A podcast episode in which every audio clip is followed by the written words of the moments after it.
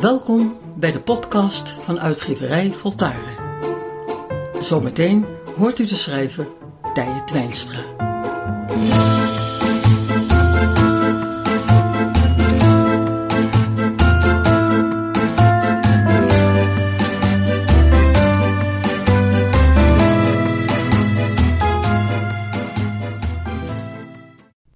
Waarom lopen alle acties op een zeker moment weer dood?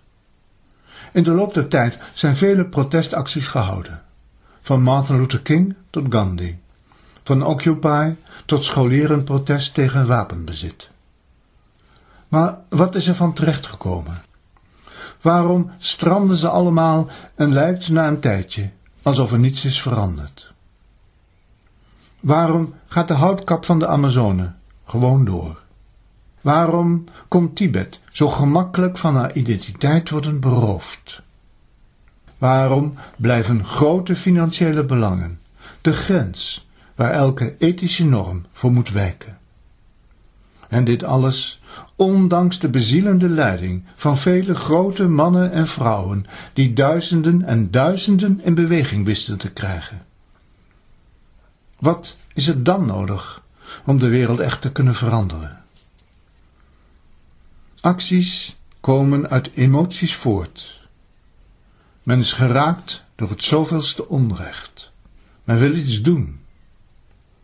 Maar emoties worden gekenmerkt doordat ze van korte duur zijn.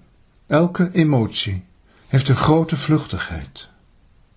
Ze wordt snel verruild voor de volgende emotie. Emoties kunnen de wereld niet veranderen.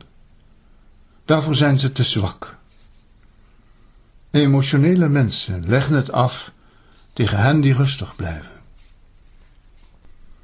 De heersende en bepalende krachten zijn diep verankerd in de maatschappij.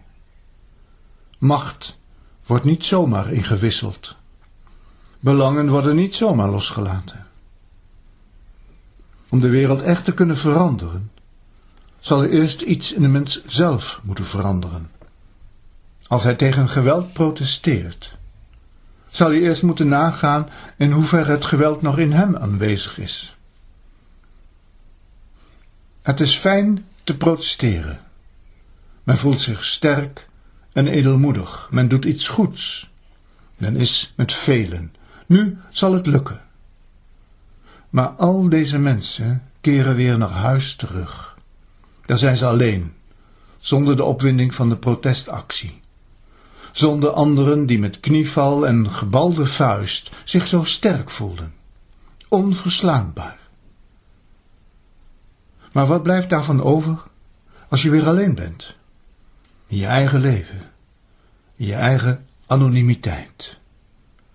Hoe geweldloos ben je tegen je partner, kinderen, het milieu, de buren, kortom, wat maakt je waar zonder de directe en massale emotie van verontwaardiging? Het is deze werkelijkheid waardoor alle protesten weer oplossen in vergetelheid. Zeker, ze brengen wel iets teweeg, tijdelijke en kleine golfjes in de oceaan van de tijd. Maar om de wereld werkelijk te kunnen veranderen, is de duurzame inzet van elk individu nodig. Die ene die niet alleen protesteert, maar vooral anoniem waarmaakt van wat hij belangrijk vindt. Hij zal dit in zijn dagelijkse leven doen, door de manier waarop hij met anderen omgaat, door de wijze waarop hij zijn leven inricht, wat hij wel en niet nodig heeft, door zijn onafhankelijkheid ten opzichte van vele verleidingen en aanbiedingen, door zijn voortdurende onderzoek naar eigen verantwoordelijkheid. Klein en onopvallend is wat deze mens doet. Het komt niet in het nieuws. Hij hoeft het niet te manifesteren. Juist daarom houdt hij het vol. Het komt uit hem of uit haar en het is niet afhankelijk van anderen of actuele gebeurtenissen. Zolang mensen elkaar nodig hebben om te kunnen veranderen, zullen ze stranden in de kortdurendheid van hun emoties. Elke protestbeweging die zich op een deelprobleem richt, Of dit nu politiegeweld is of het klimaat.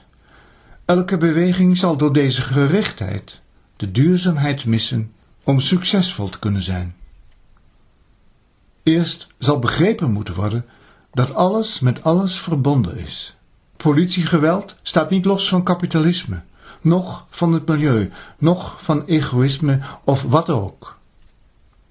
Alleen als alles als een samenhang zal worden erkend en de mensen dit in hun eigen bestaan als eerste kunnen waarmaken, alleen dan zal er iets kunnen veranderen. Alleen als we onszelf aanpakken, in ons denken en in ons reageren, in onze vervuiling en in onze hebzucht. Alleen dan zullen we de goede medestrijders zijn voor een betere wereld. Alleen wat we zelf dagelijks waarmaken, zonder ons erop te beroemen, noch door het erover te hebben. Alleen dan zijn we in staat een betere wereld te veroorzaken. Dan zullen we van een protesterende in een levende getuige zijn overgegaan. De levende getuige van een eigen, vrijgemaakte wereld. De enige plaats waaruit elke andere tevoorschijn kan komen.